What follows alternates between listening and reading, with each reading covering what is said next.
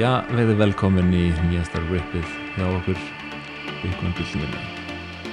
Í dag er verðið á Bitcoin 2.966.593 krónur. Fyrir einn satt færið 34 krónur. Uh, Nei, þú færið 34 satt fyrir eina krónu. Já, nákvæmlega. Og bálkahæðin er 744.000 og 401 TikTok. Next block. Já. Og Hvað segir þú? það er bara allt í einum maður komin í bjarnamarkað. Já, nákvæmlega. Við reynda, við erum búin að vera náttúrulega svona ekki neitt rosalega aktífir síðastlina vikur og mánuði. Nei. og ég held að það sé ekki endilega út af því að við erum komin innan bjarnamarka það er bara einhvern veginn eins og hlutinir vilja verða skilur maður bara finnur ekkert alltaf tíma til þess að taka upp og svona. En við erum alls ekki farnir inn að felur eða, eða hrættir um að, að tjá okkur um, um bitcoin endilega. Við bara erum búin að vera að sinna öðrum verkefnum og njóta góða veðrisins í Reykjavík og Víðsvegar já, ekki satt? jú, ferðalög fjölskylda mikið um að vera Ég er að byggja Þannig að- mitt Bitcoin Citadel. Ég ætla ekki að segja hvað það, er. Já ég segja það kannski offline ekki hérna fyrir framann alþjóð. Er, er, það er, það er svolítið góð eigin þannig fyrir utan Vestmann er það sem er bara eitt hús? Já það er eiginu, næs það verður gott sér já það er geggjað þú verður bara þar með, með hérna, prívatliklana með, hérna. með svona net á stöng að veiða, veiða með lunda. Það er hérna sjálfsturtar búskapurinn og einmitt eitthvað svona mæna Bitcoin í einhvern skúr þarna. Geggjað. Goals. Herðu, við erum sko bara fyrir klukkutíma síðan þá var verðið aðeins lægra en það er núna, við erum komin upp í 21.600 Ú, ég ætlum ekki að segja hérna við séum komnir upp úr, upp úr þessar lægð ennþá sko. En það er gæti mikið heldur þetta sé fake out eða er þetta er botnin komin sko, ég hef ekki hugmynd um það ég, þú veist, allir ekki að neita því. Maður horfir stundum á eitthvað svona pínulítið technical analysis dót. Um, en apaheilin á mér er ekki nú hérna, skarpur til þess að skilja margt að því en þú veist, þetta er svona meira bara til þess að fá tilfinningur fyrir því hvað er að gerast sko. mm og ég veit það alveg að þessir dúttar, og þetta eru aðalega dúttar sem eru með hérna svona TA dót, þetta er, ekkert, er ekki byggt á veist, mjög hörðum, hörðum vísindum en það er oft gott að sjá svona pínulíti eitthvað, svona uh, eitthvað, eitthvað kort sem að þeir, þeir byggja upp bara til þess að sjá hugmyndir því að það vill stundum verða eitthvað til úr, úr svona úr svona dóti ég Já, sko ekki til langstíma en svona til skamstíma held ég að það sé stundum hægt að segja ímislegt sko. þetta var bara svolítið, þú veist það voru allir aðal tíja í gæjanir að segja okkur við erum að fara að herra að Algjörlega. á þessum tíum búið fyrst mér bara, ok, við bara, þú veist, við getum ekki hlustað á tíja lengur, skilur Nei, og eins og við segir, skilur, bara litla abalheilun okkar getur ekki ímynda sér, skilur hvaða þættir spila inn í að Bitcoin sé að hækka og lækka. Þannig að þess vegna er þetta orðatildæki síndu auðmyggt staflaði sats stay humble, stack sats. Og það er alveg góð ástæða fyrir þetta er bara, þetta er a bumpy ride. Mm -hmm. og þú veist það er bara svo ótrúlega mikilvægt að sína auðmyggt og að stapla bara sats og ekkert vera að selja eða treyta eða neitt. Og þá breytist ekki neitt. Sérstaklega ef þú ert með Bitcoin sem unit of account. Þá er bara tíminn er eins í dag og hann var fyrir árið síðan. Einmitt, nema það í hverju mánuð ertu núna að stapla aðeins fleiri sats. Klart mál. Eitt TA sem að mér ég held að sé mjög relevant og er, ég held að bara all, það tala allir um það, það er 200 week moving average Jú, sem að hérna er basically uh, meðaltal verðs síðastluna 200 vikur. Og Bitcoin hefur þú veist á sinni 13 ára sögu aldrei verið undir 200 week moving average í lengri tíma en þú veist eina eða mögulega tvær vikur. Ég átt, átta mig ekki almennilega ég held að það sé bara ein vika samt, sko. þannig að það verður aldrei brotið þessa línu. Í dag er þess að 200 week moving average í 22.500 og við erum í 21.500 akkurat núna. Og náttúrulega búin að vera, ég man ekki hvað við fórum neðalega í 17, 18.000 eitthvað þannig. Jú, kannski, þetta er búið að vera svona tvær vikur eða? búið að vera í svona tvær vikur. Þannig að þetta er svona í, í sögulegu samhengi low blow fyrir, fyrir Bitcoin. Þetta er historical lægð. Þetta er historical life sem að um, það er engin fyrir það að maður sé svona, svona pínlítið shell shocked akkurat núna. Og ég get ímyndað mér að fólk sem að já, ég veit ekki hver er að hlusta á þetta podcast skilur en þú veist það er örgulega einhverju sem að keiftu bitcoin fyrir árið Þú ert að síðan. hlusta á þetta podcast núna þá ertu mistari Þú ert hérna with us í bara grimmum bjarnamarkaði. Og þú ert að fræða þig um Bitcoin. Bara nákvæmlega, mig Guð blessa þig. Heyr heyr. Þannig það er búið að vera mikið ástæðan fyrir þessu og þetta byrjaði einhvern veginn með Terra blow-upinu. Terra Luna, sætla minninga var um, saurmynd. Einmitt. Og hún stóð fyrir tókeni sem hétt UST og var svona þeir kallu þetta algorith, algorithmiska svona stablecoin. Þannig að þetta átti að vera 1 dollari alltaf 1 dollari og gæst alltaf verið dímaði fyrir 1 dollar. En, en einhvern veginn peggið við 1 dollar var haldið einhvern veginn algorithmikli og meðal annars með tókeni sem hétt Luna sem að margir orði búin að vera fjárfesti og svona í stuttum máli þá er þetta nú eiginlega bara svona píramidasundl sem sprakk. Einmitt. Áru margir hérna svona já, ég ætla ekki að segja prominent en bara svona margir, margar háara rattir sem að voru að að um, Rál Pál sagði að þetta væri basically risk free einmitt. Basically risk free sagði hann. Svo hann hann gaurinn sem að á eitthvað körfubóllalið æ, hvað heitir hann? Mark Jusko, er það hann? Mark Cuban. Mark Cuban, já. Mark Cuban var í þessu líka. Í alvunni Nei, þú veist að, já, það var, hann, var ekki frækt með hann að hann var með hérna nei, nei, það er hann Mike Novogratz. Na, Mike Novogratz já, Galaxy einmitt. Digital. Já, já, já, hann fekk sér Luna tattoo held ég viku þetta gerðist. Já. og hann er náttúrulega bara ég brendi mig á honum, Mike Novogratz þegar iOS var hérna frækt árið einmitt. 2017 Já, þá var hann að peppa það. Hann að silla það. Og já, brendi mig þar. Og það er kannski ástæðan fyrir að brendi mig ekki núna á Luna, af því að mér tókst að læra á því því skemi Það er nefnilega máli, sko, bara fyrir þá sem er að hlusta og eru kannski ný komnir inn í þetta space og þú veist, keiftu sér bitcoin til þess að fjárfesta í öðrum rafmyndum og eru kannski miklu tapi núna þú veist, hvað gerur núna? mm.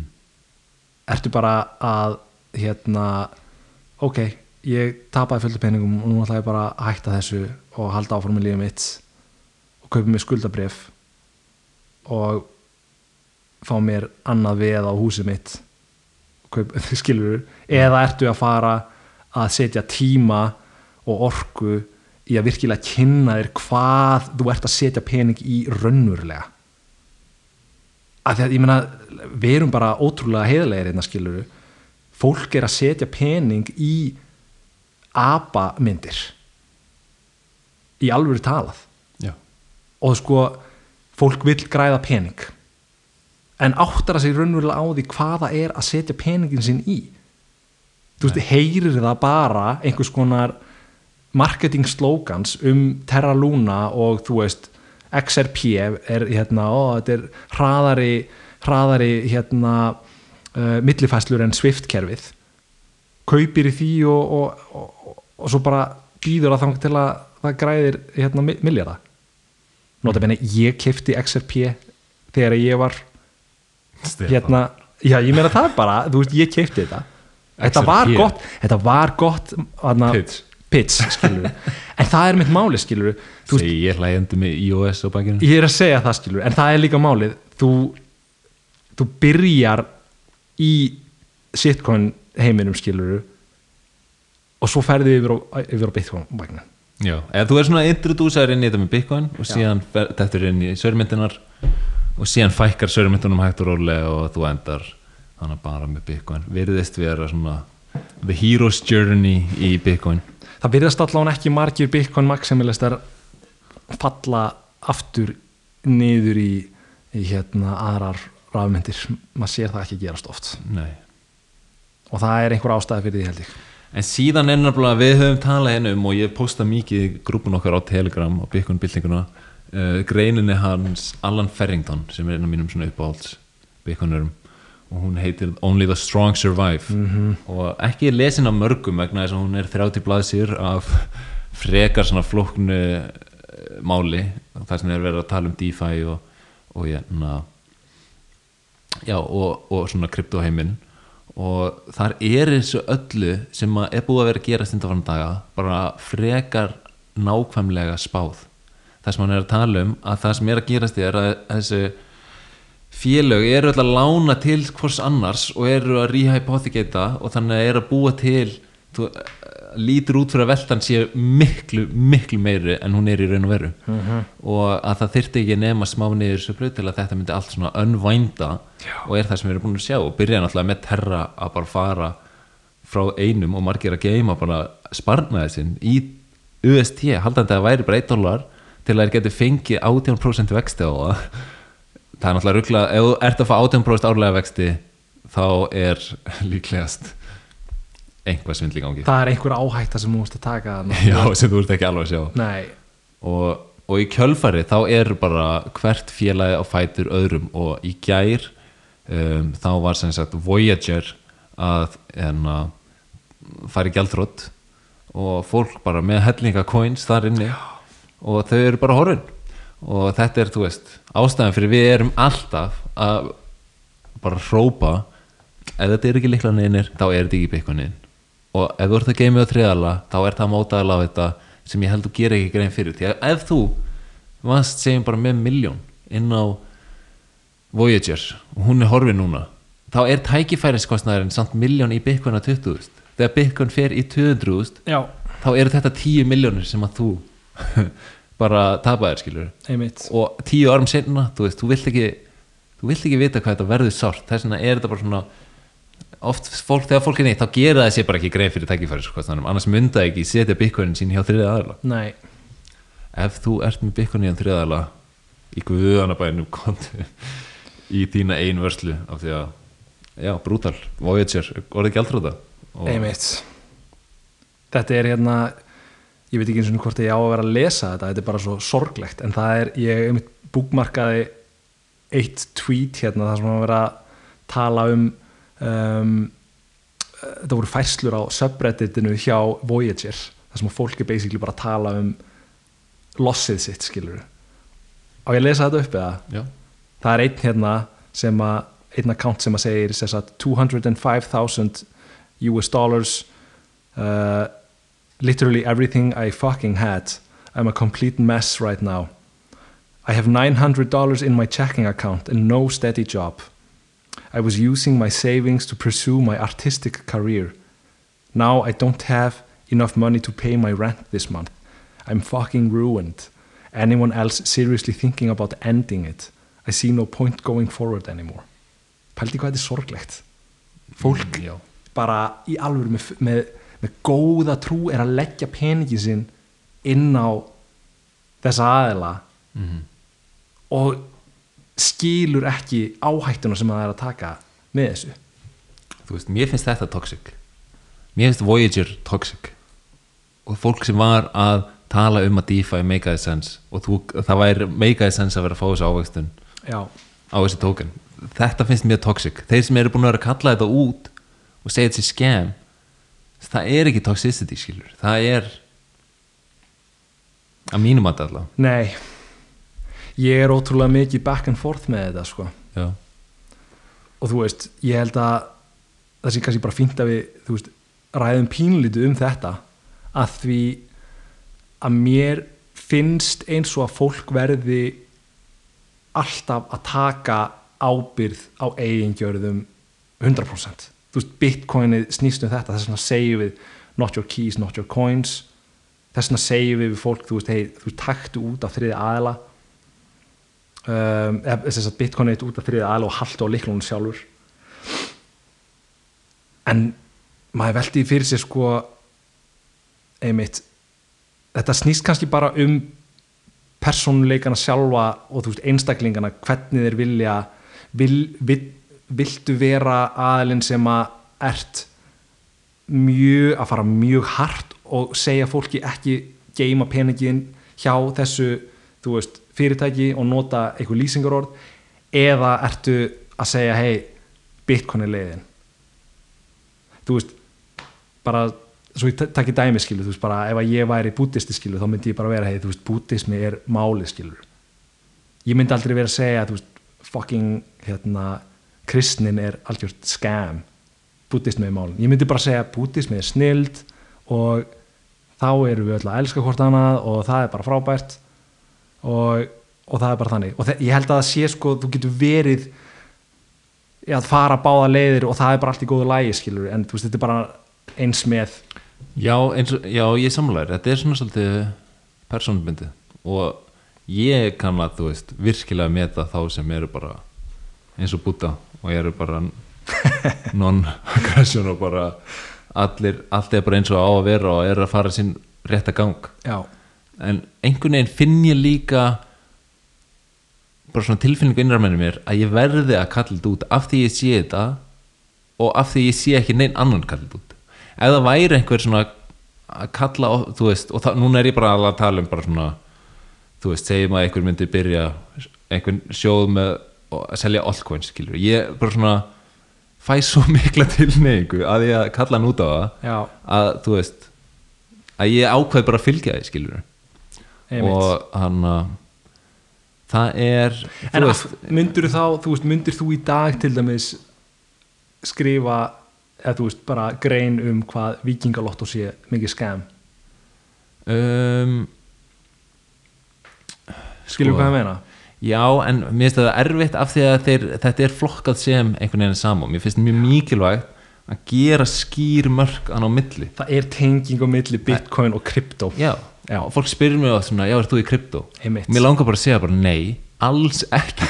Ég er svo langt frá því að vera í krypto að þú veist, ég gæti ekki einu sinni verið ein, bara, þú veist mér líður eins og ég sé bara eitthvað á annari plánetu sko. já, ég vil ekkert tengja mig við þetta lið. Mér finnst enginn sem er í krypto bara, þú veist hafa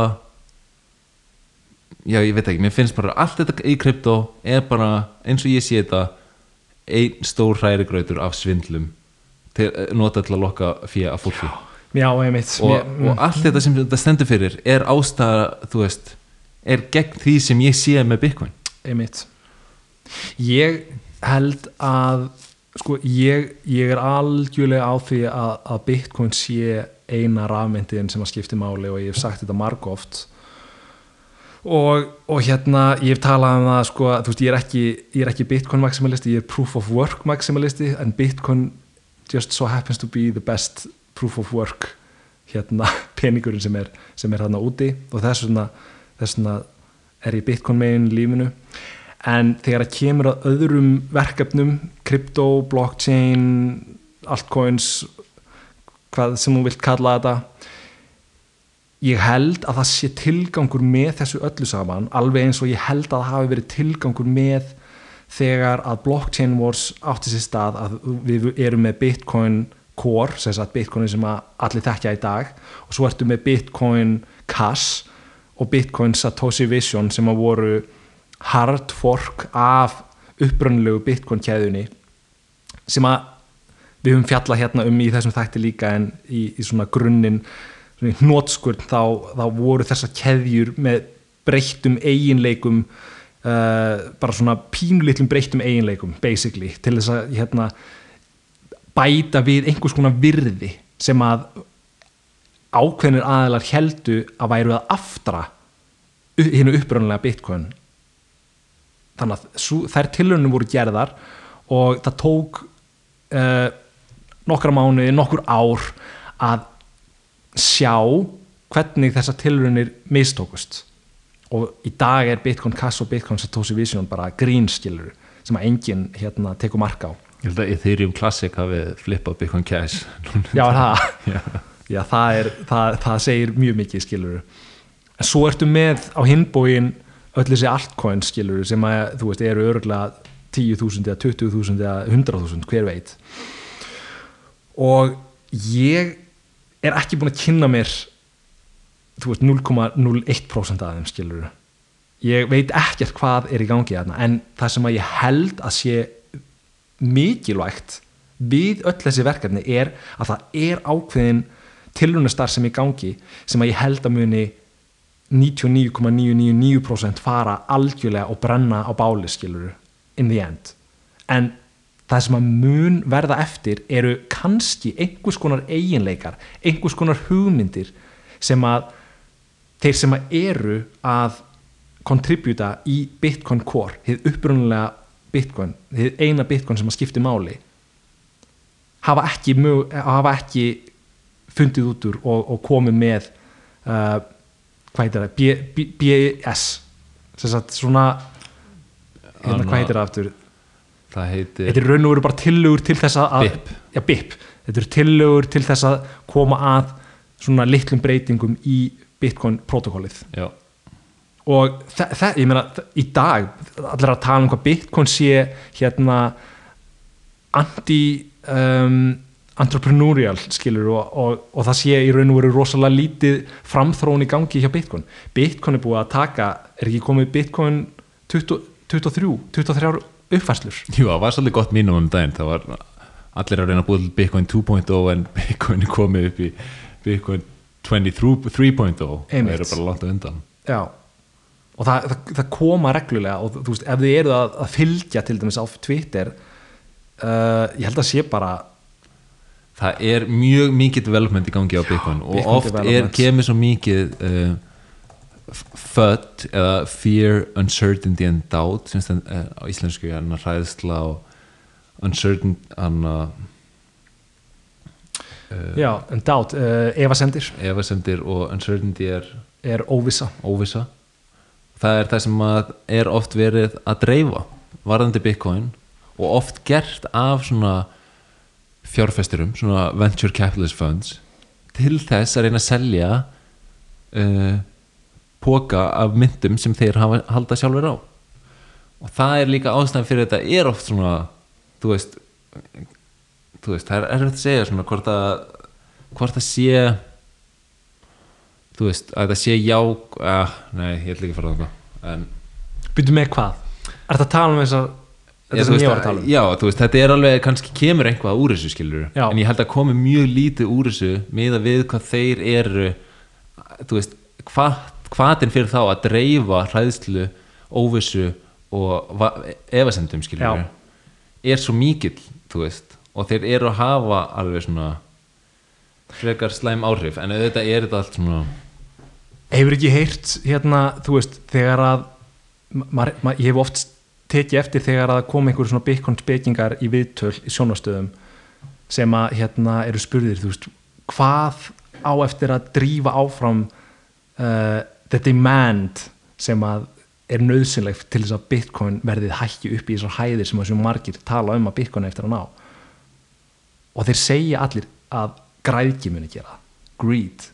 Það er basically bara svona human instinct græðki sem að er svo ótrúlega föst við mannkynnið að hún mun, þú þú getur ekki tekið henni burtu. Mm, fólk mun kaupa bitcoin að það vil græða pening.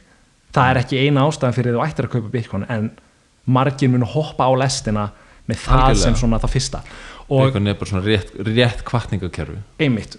Og, og það er ástæðan fyrir því að fólk er að hoppa á hína lestina. Það vei, segjum að sé til eitthvað X-coin sem að muni einmitt þegar að, þegar að hinn mikla brenna verður og allir þessi 100.000 altcoin detti út skiluru og það er til X-coin sem að var með einhvern eiginleika sem að, við, það, sem að enginn er búin að fatta nema einhverjir, þú veist tævanskir developers í, með X-coin skiluru Mm.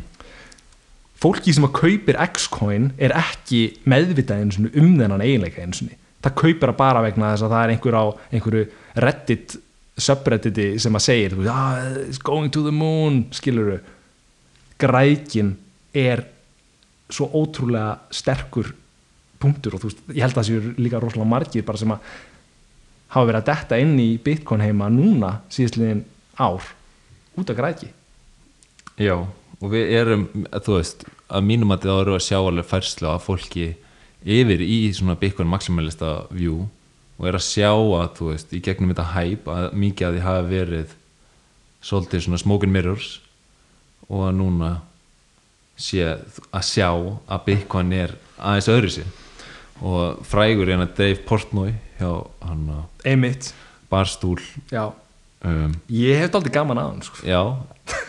bara upp á það að gera, hann er daldið fyndin og hann er bara daldið svona en, en bara til að loka þessar umræði Já. þá þú veist að fólk er með mismjönd aðferðir þú veist og þú ert með, þú veist, þú ert með þín og þú ert mun svona ekki jafn kannski svona confrontational með þetta og, og þú fílar að tala bara um Bitcoin og kosti þess og ástæði fyrir það sé geðvitt já, og ég er meira svona þú veist um, confrontational og ég, ég er meira svona að kalla út eins og ég sé það skilur og er ekki hrættur við það og er er, þú veist það er mér eðlislægt að kalla bara út hluti eins og þeir eru. -hmm. og ekki, ekki halda neinu aftur skilur um, og ég er bara að fylgja hjartanum með það. Rétt eins og ég, þú veist, þú sért að fylgja hjartanum með að vera á, á þinn máta skilur og ég held að sé pláss fyrir bæði skilur það er pláss fyrir gæjan sem var í BKS stríðinu sem var að segja bara ástæðan fyrir því mjög skýrt af hverju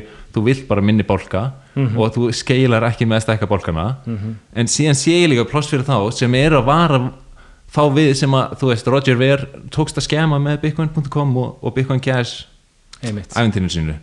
Um, en þú veist, ég veit að ég get stundum verið yfir línuna en vona samt að hlustendur fara ekki að halda, þú veist að mínar skoðanir séu til þínar skoðanir.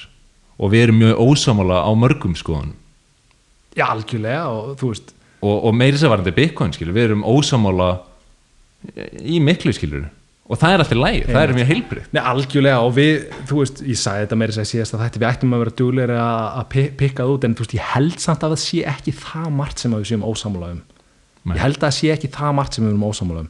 Ég held að sé alveg svona þú veist, við höfum kannski ekki mikið talað um, um hérna uh, pólitík eða, eða sko hlutverk ríkisins og, og, og þannig sko uh, í þessum þætti en bara svona í enga, samtölum þá eh, eh, höfum við pínliti farið út í það skilur og þú veist það eru alls konar núansar hér og þar sem að er ekkert óeðlilegt að, að fólk sé með mismöndu skoðanir á klárlega. Og síðan er maður líka bara að fikra sig áfram í þessu. Maður er, er skoðanir er starfslist að breytast og kemur einhver punkt og maður sér hann og, en ég vil bara að þú veist að fólk vita að þetta er allt með ást og ég svona þú veist þó ég kalli einhver þú veist saurmyndara að þá þú veist finn ég ennþá ást til manneskunar skilur og vona að hún hætta saurmynda.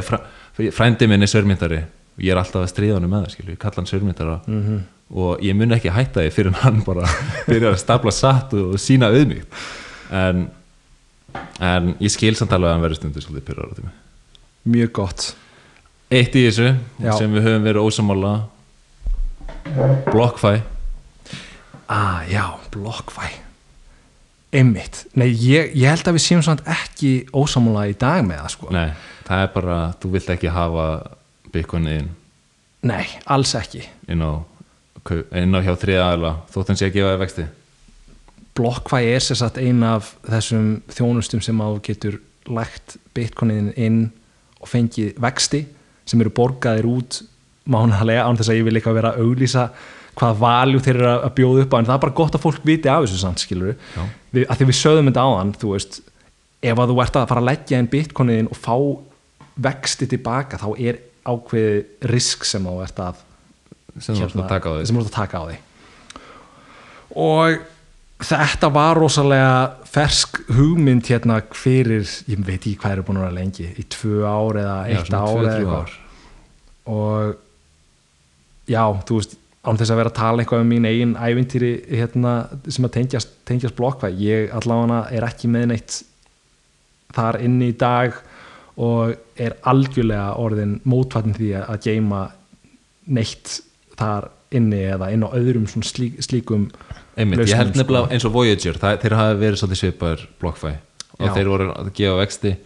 Uh, BlockFi voru orðið svolítið svona þekkt nafn og, og svona mikið af stórum gæjum að tala mikið fyrir því. Og, og þú veist, það, er, það hefur ekki ennþá farið á er, og það fólk sem á uh, coin inn á BlockFi þó ég veit ekki hvað er að pæla akkurat núna, en þá getur það ennþá tekið út og það er enginn ennþá búin að vera fastur með myndi sín þar inn á. Nei. en þeir fóru sem sagt úr því að vera metnir á 5 miljard dollara yfir í að nú var FTX að taka þá yfir fyrir að mestarlagi 240 miljón dollara. Og þetta var svolítið skrítið af því að fyrst kom tilkynning að það er væri að kaupa þá 25 miljón dollara. Einmitt ég sá það. En síðan kom einhver leiðrétting sem sagði að þeir, þetta væri allt upp að 240 miljón dollara. Ok, Þú veist, ég veit ekki hvor verðið er rétt ég veit ekki hvort að þetta hafi verið bara svona PR stönd hjá Já. BlockFi að Já. segja þetta hafi verið upp á 240 miljón dólar Mhm. pluss 400 miljón dólar lánalína. Einmitt.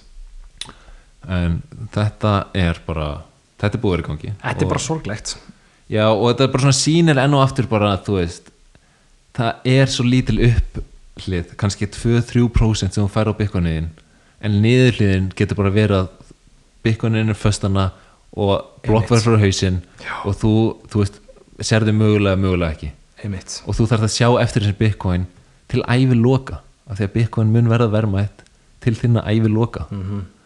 og það er bara þú veist ég veit að við gerum okkur engan veginn grein fyrir hversu verðmætt bitcoin er og hvað þá einhver sem er bara nýr og heldur að BlockFi sé góð hugmynd það er aldrei góð hugmynd að gefa bitcoinu til réðla þú ert manneskjan sem átt að geima bitcoinin og bera ábyrðaðum það mun enginn bera jafnvel ábyrðaðum og þú. Um, og ég held bara svona að fólk hræðist það og svona miskili hversu erfitt það er að geima af því við fáum svo endalesta fréttum um bara þessi var að týna bitcoin. Eins eins og ég sagt þótt að komum vel bara neikvæðar fréttir um í fjölmjölum já, og þetta er mjög vinstælt einhver glataði bitcoin og er að leitaði um ruslahögunum einmitt. Einhver tapaði bitcoinin um tölvunum sinni eða eitthvað svona. Og fólk heldur að það sé bara normið. Allir sé alltaf að tapa bitcoinin sinum en það er, það er eiginlega ekki normið. Það er, þú veist, ég þekki engan sem hefur glatað liklunum sinum nei, ekki ég heldur. Það er alltaf enginn sem að viðkjöna og enginn verið hakkaður einmitt. þú veist, þótt að kann- kannski ekki það var vinsalega en þú veist, eins og með þú ert með svona signing device, hardware wallet þú veist, þá er, getur komið vekk fyrir það. Og þú getur sett upp þjónustur eins og casa.hodl já, og verið bara með svona uh, þetta kallast hérna multisig er það ekki? Þetta- þú nóðanda multisig en það er hana, þú veist, það er svona þeir hjálpa þér með custodyið að halda því. Já. þetta er svona collaborative custody ég að þetta heiti. Er já, einmitt, þú ert með þrjá likla og þú þeir heldur á tveim, þeir halda Já, einum. einmitt, og þú þarf tvo. Já þannig að þú veist, ef þú lætur Ég held að sé þannig að þú ert með hardware wallet þú ert með veski í símanum og síðan eru þeir með einn líkil já, einmitt, þannig að þú týn símanum þá ertu með hardware wallet og þeirra líkil já, og ef þú, þú týnir hardware walletinu þá ertu með síman og þeirra líkil einmitt sé þannig. Þannig já, þetta er búið að vera frekar magnað og gaman bara að sjá eða þú veist, ég elska bjarnamarkaði mér finnst þetta, þú veist, ég elska þegar brjála veður út í rigning og ég elska bjarnamarkaði það er bara svona cleansing við þetta. Já, kemur svona hreinsandi orka þú veist, það er hellinga skems að fara á hausinn. Við höfum verið, þú veist ef mann rétt að tala eins um blokkfæ og að fólk ætti ekki verið að nota þessi tjónustu Mhm. og það er núna bara orðið frekar ljóst skilur já, og, hana, og fleiri hlutir orðinu ljósir eins og að þú ættir ekki að kaupa annað en bitcoin og stapla bara bitcoin. Af því að þú veist, hér, það eru myndir bara hægri vinstri búin að vera að fara nýri, núl já, og eins og Terra var orðið bara top 10, top 5 mynd og náttúrulega mikið af fólki sem hefur tapað pening þar. Já.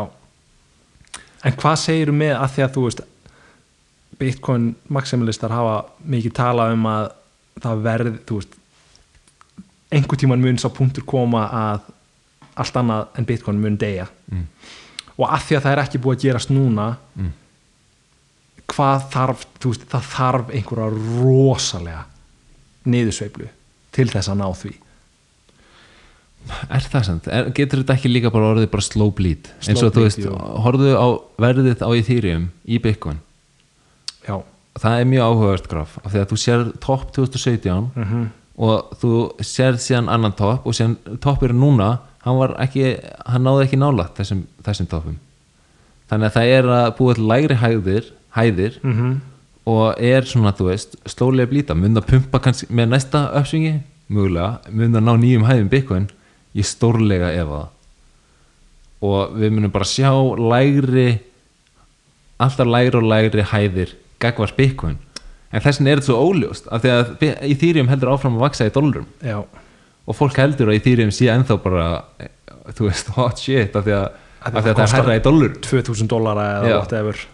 En ef horfður á í Bitcoin þá er þetta komið alltaf að sögu. Já, einmitt, ég er einmitt að horfa á grafið núna þetta er, og það líka er bara svona eins og er núna í björnumarkaðunum allir að, allir að fríka þetta er svolítið sérstaklega björnumarkaður af því að þú ert með hlutabrif að lækka og þú ert ekki bara með hlutabrif að lækka þú ert líka með skuldabrif að lækka. Já, og það er mjög einstakt á fjármálamörkum að bæði hlutabrif og skuldabrif sé að falla saman tíma og, við, og, og Bitcoin alltaf líka falla.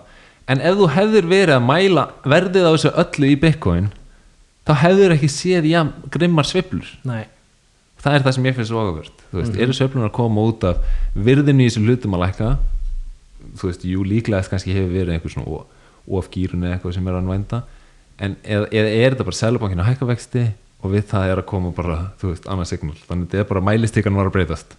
Já Svo er líka bara svona eins og grafið hérna gullgrafið frá Weimar Republic sínur okkur skilur á einhverjum tíu árum þú veist þá var verðmætasta eignin á þeim tíma gull að sveiplast upp og niður Já. eins og ég veit ekki hva, hvað maður getur sagt skilur Prósent, prósentisveiflunar svakalegar það Já. var bara upp 100% niður 50% upp, þú veist, einmitt og bara mjög mikið volatility og það er svona er svo það er svona mikið eina, eina, eina besta hliðstæðin sem maður getur Já, svona hort til já, með því að reyna átt að sjá hvað er að gerast akkurat núna. Einmitt, að þetta er orðið mjög og bara ein, ég, magnaður tími. að því að við erum að tala um þetta það er bara ein staðreind hérna sem að ég uh, sá á Twitter sem er rosalega góð og gefur fólki hugmyndum hversu bara skemmtur peningurinn er orðin bandaríkin það tók bandaríkin, það tóku bandaríkin 215 ár að sapna skuldum upp að 7 triljón dollara marki mm. Hvað, hversu mörg ár sagði 215 ár mm. frá upphafi bandaríkina já, 215 ár sapna 7 triljón dollara, skuldum mm.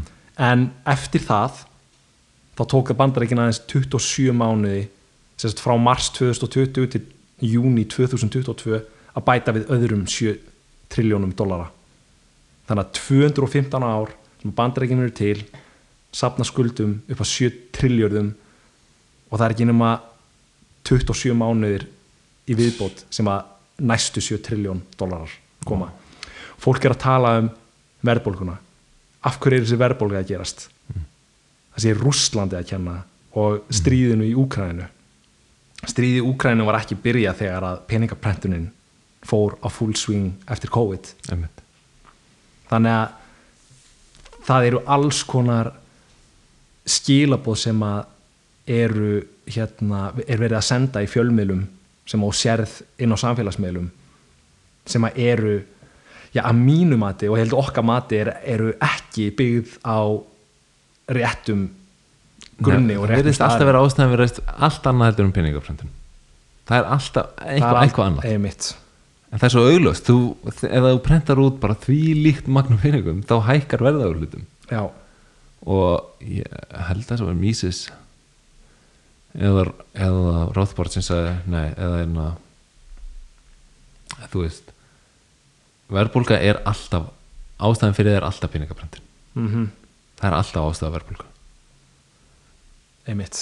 Ég meina það bara er veist, Það- bara það er ekkert annað. það er ekkert annað. Þetta er bara, mér finnst alltaf svo gott að taka hérna, myndlíkinguna með, með djúskannuna skilur, það er bara, þú veist, um leið og þú byrjar að hella meira vatni í djúskannuna ef þú reynir að prenta meiri peninga þú veist, það þinnist bræðið á djúsinu, það þinnist virðið á peningunum kaupmátturinn verður minni á peningunum og bræðið af djúsinu verður minna og þú þarft alltaf meira og meira til þess að svala þinni svala þörf skilur já, og svona heldur þetta áfram endalist og Já, það er nefnilega þanga til, að, þanga til að það stoppar og það er bara, við erum að lifa þá tíma sem að eru bara þetta það, þetta er bara við erum á krossgötum akkur núna. Mm, þess vegna er svona mikil óreiða í öllu. Einmitt.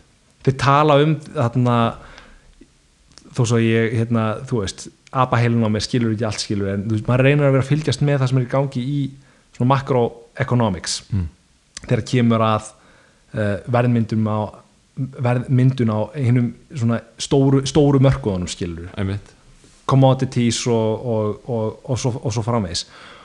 Og þetta er alltaf sveiflast hægur og vinstri eins og við séum komin upp í bara, þú veist, það er eins og við séum komin á flugvél þarna upp að það hátt upp að hérna gravitíð er bara búið að er hægt, hægt að taka við og við erum bara svona að byrja að svífa í lausu lofti skilur þannig að við erum á einhverju svona crazy limbo svæði akkurat núna þar sem að engin veit hvernig ákvarðanir er hægt að taka. Það er bara svo satt hjá þér og það, það er svona að þú veist það er svo margt unprecedented við hennan tíma. Þú veist bara eins og það að, að hlutabröðu skuldabröðu sé að falla saman tíma og, og fleira þú veist, þetta er bara orðið og ekki eru, skil, og ekki eru skilabóðin frá uh, þeim sem eru hinum megin við borðið þess að Fiat megin við borðið.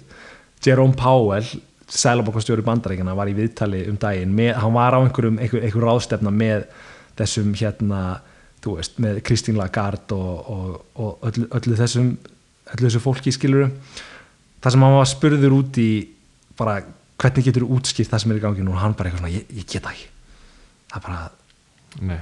og hann er, bú- hann er búin nýlega að segja að, að CPI sé mjög lélugur statistik og þetta er það sem að Michael Saylor er búin að segja mjög mikið Já. og fleiri að tala um það hvað CPI sé lélugur statistik og hann er núna að segja að það sé veist, hann sé svolítið lagging þannig að þeir eru alltaf að þeir eru alltaf að keppa við ranga tölu. Mhm og þetta er svolítið skeri að bara veist, við séum þannig og, og, og líka svolítið erfitt bara sem manneskja að áætla morgundagina því ég veit ekki hvort að þeir ætla að hækka vexti þú veist, næstu tvö árin eða hvort þeir ætla að byrja að lækka á.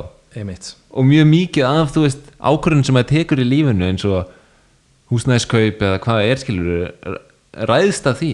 40 og ára lán. Fólk er að taka 40 ára lán. Já, pældi því og vextinir breytast hérna, hvað er það, þryggja mánuða fresti eða? er ekki ára. Þryggja ára? Nei, ég er að segja sko, hérna, sælabankin Já, Sælabankin Já. breytir vextunum tryggja mánu fresti. Þetta er bara fárulegt og bara þurfa að lifa, eða þú veist það er bara magnaður að lifa við þetta. En Það er gott að vera til samt, sko. Það er svo indislegt það er svo magnað að vera að upplega þessi tíma að ég er, svo, ég er bara mjög þakkláður fyrir það en þakkláður líka fyrir að sjá sterk signal inn á bjarnaverkuðum. Michael Saylor að stapla El Salvador að stabla Búkeili að stapla Einmitt. held ég 80 í byggun eitthvað er 20k bara geggjar og að vera núna í bjarnamarkaði sem er brútal. Ég meina þetta er brútal bjarnamarkaður. Maður var ekki að búast við honum. Við, vorum konið fyrir neðan 200 day moving average. 200 week 200 week- mo- week moving average. Bara, þú veist, sjóðir að falla hver á fætur öðrum bara massive svona capitulation. En við erum samt í 20k Algjörlega. og við erum með Michael Saylor sem er með fyrirtæki S&P kaupa dífuna, þú ert með El Salvador þjóð að kaupa dífuna þú ert með bálka að koma út á tíminu fresti. Bitcoin kerfi hefur ekki haggast við það það hefur bara farið ótrútt áfram og er að færa meira valjú heldur en okkur tíman fyrr. Þannig að þú veist, signalið er skýrt. Það eru fleiri góði punktar sem er þetta að nefna, sko þegar maður horfir á hvað er í gangi í kerfinu. Uh, Hassreitið hefur aldrei verið hærra. Ég held að það hefur náð all time high í kringum þessa dífu skilur á milli 20 og 30 þúsund dólarum það að bara öryggi kerfisins hefur aldrei verið hærra. Einmitt, það er aldrei meiri um, í raun og veru vinsla að reyna að finna nýjan bálka heldur en akkurat núna. Og annað metrik sem er mjög áhugavert er að þeir sem að eiga að minnstakosti uh, eitt bitcoin þeir sem að eiga að minnstakosti 100 miljón sats á veski hafa aldrei verið fleiri. Ég held að svo tala sér komin upp í eitthvað kringum 850 á milli 800 og 900 þúsund veski. Ó, sem að þú veist ef að á milli 800 og 900 þúsund veski eiga að minnst okkur eitt bitcoin og við erum með 21 miljón bitcoin. Þú veist, við erum mjög fljóta átt okkar á því hvernig um, hörgullin, hvernig skarsetíð á eigninni á eftir að hérna bara fljóta að, að vinda upp á, upp á sig og, og íta undir í raun og veru. Já, maður vill ekki vera að tala um verðhækkanir samt sko, en, en þetta er bara svona Nei, en líka bara þú veist Bitcoin er frábær eign þótt hún hækki ekki endalist í verði. Uh þú veist, þótt að Bitcoin fari ekki bara í hálfa miljón dólar á, á, á næsta ári þá er þetta samt bara þú veist, þótt hún væri bara 20.000 dólarum í mörg ár þá er þetta samt bara óaðfinnanlega eign. Vegna þess að þú veist, það er ekki hægt að taka hana þér -huh. með valdi. Og þú getur sendt hana hvert sem er í heiminum hvar sem er, og þú getur ferðast með hana hvert sem er í heiminum. Og enginn getur stoppað. Og enginn getur stoppað og þannig að þú veist ekki vera allt og fókust á verðið. Það er ekki eins mikilvægt og svona maður gefur því veist, eins og maður leifir því að hafa áhrif á sig þá er verðið svolítið bara svona sideshow og þú ættir frekar að fylgjast með signalinu sem er til dæmis hassreitið hversu mikið af value er færðast í kringum kerfið. Einmitt. Og er dreifstýringin að verða meiri eru nóðunar á leiðinu upp er lightning að aukast eru coinjoin aukast og þessi, öll þessi statistics er á leiðinu upp. Einmitt. Þannig að en eitt sem er, finnst svona áhugavert er að stock to flow hlutfalli við höfum Já. talað um það í þessum tætti já, algjörlega, heill þáttur fór í það að tala um flow og sem að er alveg mert, þú veist, stock to flow held ég að sé mjög hérna mikil, mik- mikilvægt hlutfall til svona ratio til þess að horfa til. Já. en svo er annað þegar maður talar um sko, stock to flow módelið hans plan B Þannig að- það er annað. To flow sem hlutfall er annað heldur en að, að fara módela verðið miða við sem sagt hörgulin einmitt. Og hvað ætlar að segja um það? Sko, ég bara er ekki viss, ég farin svona kannski að horfa aðeins á þetta, þú veist, það er svolítið fárulegt að halda á getur, þú veist, spáð verði miða við hörgul af því að þú veist ekkert, fyrsta lagi hvað eru margir dólarar að fara að vera umferð. Mm -hmm. þú veist ekkert hvað verði, hvort það verður prenta meira eða eitthvað og þú, þú veist uh, mannlegar mannleg hegðun eins og maður er að læra í austurísku hagfræðinni er alltaf bara þú veist óútreiknanlega og, og hérna, huglæg og hérna, einmitt. þannig að þú Hún átt ekki að geta neitt já, hún er svo kaotísk, þú átt ekki að geta spáð fyrir þetta það er áhugavert samt að sjá menn eins og Seyfedin Amus sem skrifaði The Bitcoin Standard mm -hmm. vera ennþá freka staðræðan í því að þetta mótel er ennþá bara freka gild uh, af því að það er hana, innan við einhverja marka og það hefði Bitcoin, verðið á Bitcoin hefði geta verið frá 0 upp í miljón dólar en það er samt þannig á sveimi uh, 50.000 sem ég held að er að fyrsta móteli sem Plan B gefur út þetta eru þrjú mótel held ég sem að hann gerði Mm. og þetta er mitt svona fyrsta móteli sagði mitt 50.000 eða sem sagt að, að to- toppurinn á þessu sækuli myndi vera ekki nengur 50.000 svo var það 100.000 og svo var næsta var það hérna eh, 288.000 og það er rosalega auðvelt að búa til svona þrjú mótel og svona já, ég er með eitt rétt. Já. þegar þú ert með þetta reynd sko. Já, þetta er svolítið stórt reyns en tíminn mun leiða þetta í ljós ég held að allir þeir sem að skilja hvernig sko módel virka, þú veist, öll módel eru raung, Já, þau eru bara mismunandi raung, þú getur það bara ómögulegt að búa til ekki nema á sért með, þú veist, módel um, þú veist bara 1 pluss 1 og svo ef þú bætir alltaf í einum þá verður það, þú veist alltaf heilt tala eða eitthvað þannig skilur en tíminn mun leiða þetta í ljós. The Rain, Rainbow mótelinu? Já, það var eitthvað bara í raun og veru þú ert með Bitcoin Það er hérna- eldra mótel heldur en Flow, eða ekki? ha, ég bara veit það ekki en þú ert basically með Bitcoin chartið bara, þú veist, þú ert með uh, Upsilon ás verðið, X ásinn er tími og þetta er á logarithmiskum skala ef maður er rétt og þú ert basically með uh, já, bara svona boga sem að fer upp til hægri Já. og það er búið að setja liti Einmitt. eins og re- regnboga og efsti parturinn af regnbóðunum eru basically topparnir og neðstu partarnir eru hérna svona lægri reynsin það sem að þú ert í, í, í, Já. ég er ekki búin að kíkja á þetta mótel Erik Wall er búin að vera mikið svona trolla plan B með þetta Ok. Rainbow Model já, uh, í svona gegnum árin ok og það er bara svolítið fyndið að að hérna botni núna hitti akkurat læg, lægsta endan á Rainbow Modelinu ok, og ég er ekki að segja að það sé gildið eða eitthvað en bara áhugavert. Já, það er svolítið fyndið að þú veist þetta er svolítið eins og þetta er svona verið að gera grín að technical analysis basically sko. já, það er svolítið þannig sko. Já, en sa- samt er, virðist vera einhver snild í því skilja, því að það er að halda. Og já, tíminn leiðir það í ljós líka. Það algjörlega er bara hérna ég, ég, er svona, ég er mjög bullis á bitcoin til langs tíma sko. það hefur ekki, ekki breyst. Og já, maður er bara hérna, heldur áfram að fylgjast Stafla. með öllu þessu já, algjörlega, held, heldur áfram að stapla og hérna, fylgjast með þessu bara ótrúlega ótrúlegu hérna, grósku sem er í gangi í þessum heimi. Já, þú veist ég heyrði eina ógeðslega góða línu um daginn uh, í tengslum við hvernig hérna, internet babulið í árið svona í kringum 2000 var.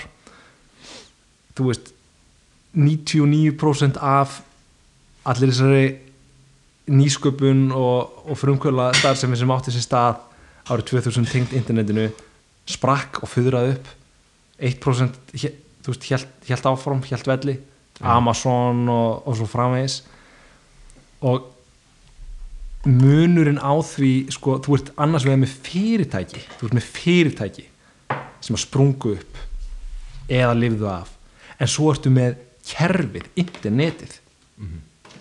Það var í raun og veru þetta var í raun og veru ekki internetbóla þetta var bóla innan einn innan internetsins. Þetta er svona eins og kemur bóla innan fyrirtæki á, í já, og bara fyrirtæki innan Bitcoin eru þau bara allt og nákvæm, og þetta er nákvæmlega það. Er kannski smá að gera þetta, og mælir virðið á þessum fyrirtækjum í Bitcoin þá er það svolítið ridiculous. Skilur, af öllum Bitcoinum í heiminum þá er þetta fyrirtæki virðið svona mikið. Einmitt, þú veist, myndir þú halda það skilur? Ef að Bitcoin á að verða næsti næsti peningur heimsins einmitt. Það er bara náðu að spurning. Já, þannig að maður er raun og veru bara heldur áfram að vera þetta aldrei svona já, bara opinn fyrir lífinu sko. Já, og bara svona þú veist, ég held að svona síni líka bara svona hversu mikilvægt það er að vera bara, þú veist vera fókusaður á það sem þú ert að gera. Ekki, þú veist, það væri hræðilegt þú væri búin að eða núna síðustu árum að fókusa á því að treyta krypto þú veist, eða, eða bitcoin skilur af því að í staðin fyrir bara fókusa á það sem þú gerir vel -hmm. og að sjá til þess að innkomaðin sé að auka svo að þú getur stafla meira bitcoin og sérstaklega þegar koma bjarnumarkaðar svo að þú getur bara verið hana að kaupa dífunum skilur -hmm. og þess vegna, þú veist þess vegna held ég að bitcoin mun á endanum þú veist, koma að draga það besta úr fólki af því að þú veist það, það dis, þú veist það af, disincentivisar af hvetur eða svona, einmitt, svona af hvetur það að vera að treyta af því að treytirar verða vanlega rekt. Einmitt. Allir TA treytirarnir sem ég vissi að voru eitthvað voru bara superbúlis í 60k ég man ekki eftir mannesku sem sagði að við værum að fara niður nema, þú veist Hodl Bear, unknown account eða eitthvað skilur -hmm. og hérna og þannig að þú veist að, að það er ógeðslega erfitt að treyta þetta og það er, þú veist, kvartningin fyrir því er mjög lítil af því að þetta er svo erfitt og unpredictable leik en kvartningin fyrir því að vera bara að vinna og færa fólki valjú með vinnunniðinu og því sem þú gerir best, hvað sem það er hvað sem það er pípar eða, eða klippar eða þú veist hvað sem þú gerir og getur fókusa bara, á- bara á að gera það. Það er ástæðan fyrir hún, ástæðan fyrir Bitcoin er svo við þurfum ekki að vera fjárfesta eða treyta eða gera alltaf þetta kæftæði svo getum sérhæft okkur sem er, og, og, og bara stapla Bitcoin. Og það er langt besta fyrir, fyrir hagkerfið. The division of labor skilur, að við séum að skipta okkur niður og sérhæfa okkur. Af því að þú veist peningur er, er tól sem leifir okkur að gera þetta og bitcoin bara fullkomnar það. Þannig að þú veist ég hvet bara svona fólk til þess að setja bara fókus á það að auka innkomuna þeirna til að þú getur staflað þess að ódýru satt sem eru blessunarlega komnir. Þú veist, það er blessun að við séum látt niður skilur. Við erum- 20 23 sats fyrir eina krónu. Já, og þú veist allt þetta terralið og, og, þú veist þetta er mjög sorglegt og þeir fólk hefur tapað mikið af peningum en á móti þá erum við sem erum bara fókusar á Bitcoin okkur verðluna því að nú fáum við ódýrari sett og við erum í samfæringu að Bitcoin er bara eina lausnin bara tína, það er ennþá bara hannig það hefur ekkert breyst fundamentally. Ekki neitt. Þannig já, vel mælt. Elska ég er algjörlega, algjörlega sammála öllu þessu sem að segja þarna og ég held að það sé aldrei svona ef þú ert búin að vera að lenda illa í því ef þú varst rækt skilur síðastleina mánuði, síðastleina vikur síðastleina daga þú ert búin að tapa kannski öllu eins og þarna ég var að lesa í þessu subredditi að það eina sem þú ert ekki búin að tapa er tilfinningin sem á í raun og veru upplýðir og er það að fara að sliga ertu, ertu hættur, ertu hætt? Ertu búin á því? Eða ætlar að halda áfram er lífið bara búið? Nei það er það ekki. Það eru góði hlutir annars skilur og ég er algjörlega stað fastur á þeirri skoðuna að minni að Bitcoin sé leiðin fyrir mannkynið. Út úr öllum þessum hremmingum sem við erum að, að díla við akkurat núna. Öll þessi eimt öll þessi neikvæðni allt þetta bull. Það er bara voðalega fátt annað sem að kemur til greina til þess að hjálpa okkur að verða að betri ég veit ekki, bara þú veist guðlegar verur sko. Mhm. erfitt að setja orð á þetta skilur en þú veist það er ég held að sé einhvers konar æðri tilgangu sem að mannkynnið þarf að gegna og, og er, er tólið sem að mun leið okkur þangað. Þetta er, þetta er bara nákvæmlega eins og vorst að segja. Bitcoin í raun og skiptir ekki neinu máli þar að segja, þetta bara hjálpar okkur að gera hlutina betur í hinnum raunverulega heimi. Peningar skipta bara miklu máli þegar það kemur að þessu. Þeir, fyrir samfélag þá skiptir það öllum máli. Þetta er bara okkar við notum tungumáli til þess að tala hvert annað og við notum peninga til þess að eiga í viðskiptu við hvert annað. Þetta er raun og veru peningar er fyrsta tungumáli. Þetta er raun og veru fyrst, já. Tungumál virðist. Mm og við höfum bara haft misgóð tungumáli gegnum söguna. Sjaldan jafn slæfum á fíatin já, 50 ára fíat tungumáli sem við erum að nota í dag er bara, það er alltaf snúast á annan endan þar en það er eins og við höfum bara dottið niður á fullkonu uppskrift fyrir fyrir framtíðina. Og ég veit ekki, maður bara alltaf að fá stanslausar staðfestingar um það fyrst mér að þetta sé leiðin. Mm sérstaklega eins og í þessum bjarnamarkaði. Verða á byggunar að lækka en það er nú ekki að lækka eitthvað svo mikið sko.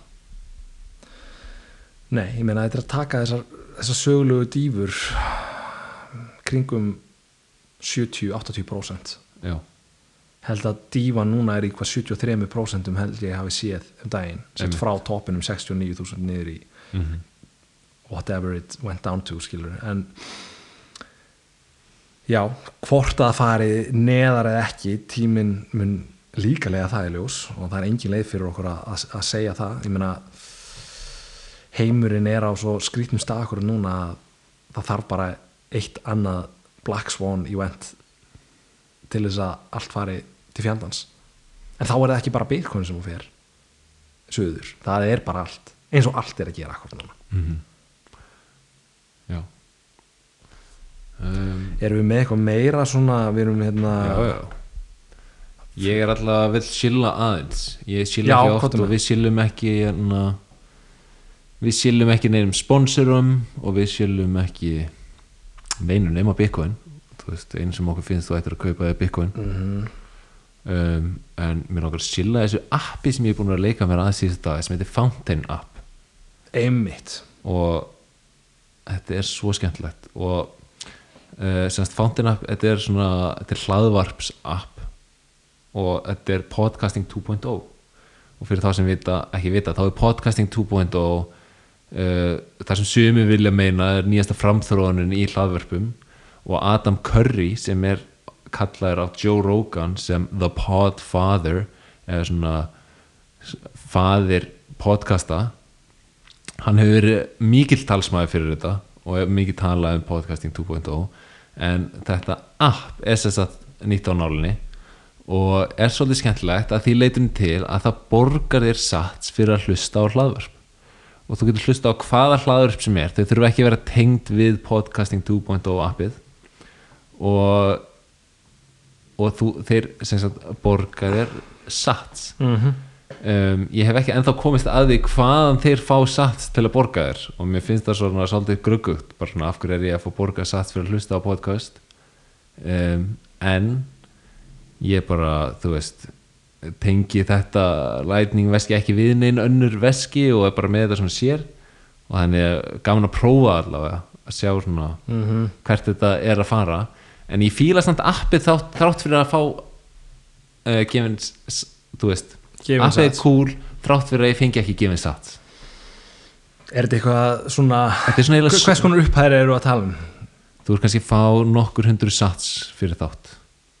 Ok, það er nú ágætt ég segja. og þetta er bara fljótt í, er bara fljótt komið þúsund sats eða eitthvað. já, og, og það sem þú getur gert sko er að þú getur fyllt vinuðinum eða öðrum og, og þú getur líka búið til klippur. Þannig að þú kannski heyrir eitthvað skemmtilegt eitthvað áhugavert í einhverjum einu þætti af podcasting. Já, þú getur búið til svona klippu af því og posta þessari klippu og síðan geta aðri læka klippuna og þú veist, gefið þér sats fyrir að fundið hana góða klippu. Já, næs þannig ég mæli bara einn dreigið með að fólk bara fari núna síma sinn, ná í Fountain app vegna þess að þetta er svo mikið snild og bara pröfið að hlusta á næsta þátt af byggumbildingunni í, í þessu appi og fá borga sats.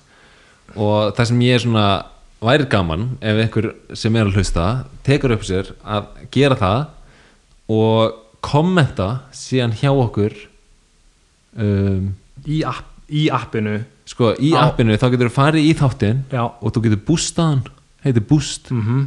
Og bara fyrstur til að senda smá boost eh, þarf ekki að vera nema bara tíu sats eða eitthvað hann fær tíu sats í verðin ok, það er ekki bara jú, mér líst vel að það.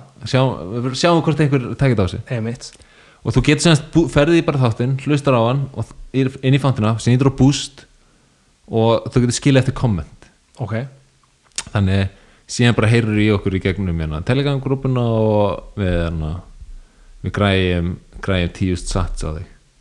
Það er fyrstu kemur fyrstu fær. Fyrstu kemur, fyrstu fær. En vonandi kjölfarið þá kannski fer fólk að bústa og þau eru búin að bústa og getur kommentað og því meira sem þú borgar því hærra ertu í röðuninu af kommentum. Já, og síðan er hægt að svara kommentum og hægt að detta í smá spjall til dæmis um þáttinn og hvað þetta er gott. Þetta er super cool.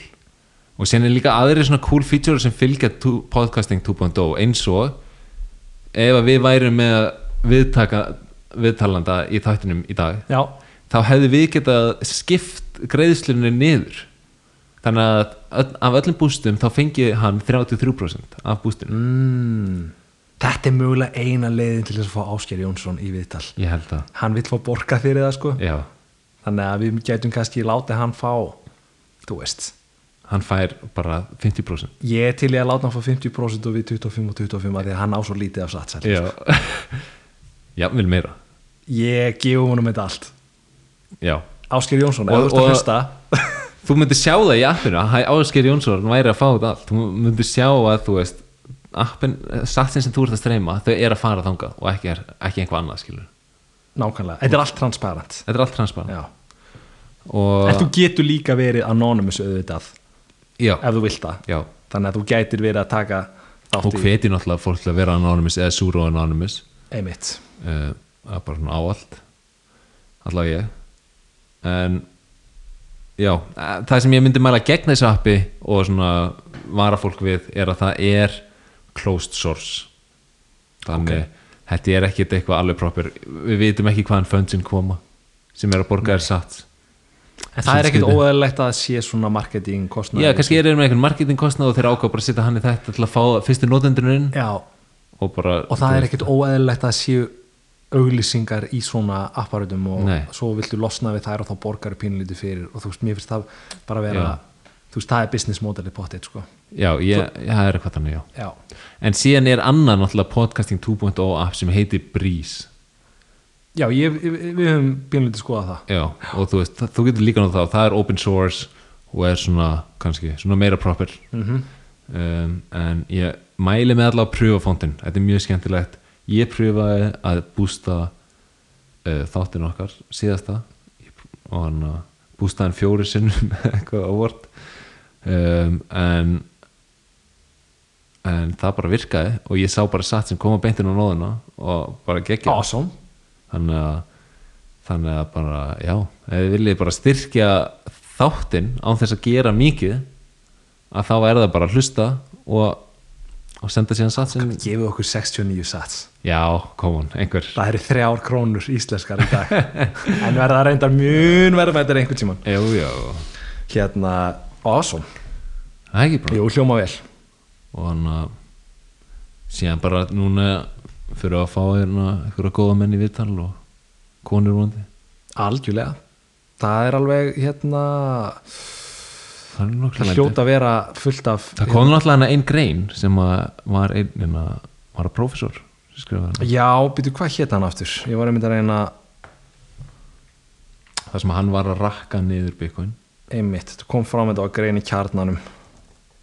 Og Bitcoin er alls ekki nýr gjaldmiðl og hinn svo kallaða rafmynd alls ekki heldur peningar. Ásker Brynjar Torfason, doktor í fjármálum fjallar meðal annars um bálkakeður og Bitcoin í nýjasta tölubræði vísbendingar sem að er uh, já, þetta er svona tímaritt hjá ég veit ekki kjarnanum eða ekki?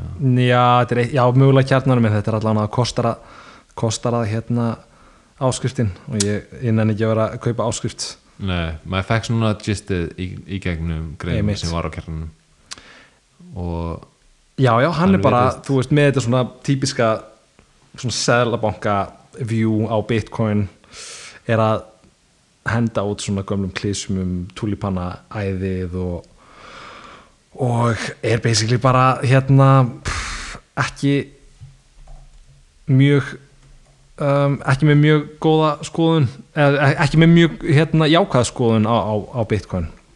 Það er bara þannig. Það er bara þannig og verður mjög gaman að fá hann í spjalla því að hann er alltaf með skoðun. Einmitt. Við reynum að og tjekka á honum. Síðan, já. Og er eitthvað meira? Ég held að séum bara Herri, að- já, eitt hérna Jú, hérna, já, þú ætlar að segja eitt. Það var íbúð seld fyrir, eða það er íbúð núna er íbúð til sölu fyrir Bitcoin. Einmitt, fyrsta íbúðin á Íslandi, fyrsta fastegnin á Íslandi sem að er hægt að kaupa það er Bitcoin. fastegna fyrir Titæja sem auglisti íbúð til sölu í Hafnafyrði og það má greiða með hann með Bitcoin. Það var mjög gaman til þess að tala við hérna, þann sem að er fyrir þessu, þessu apparati þarna. Herri, við heyrum bara í honum. Algjörlega, þannig hver veit, hver verður næsta þetta það verður allavega áhugavert þetta. Kemur ljós. Takk kærlega fyrir áhlustununa kæra hlustundur og við sjáum þetta í næsta þetta Lifið í friði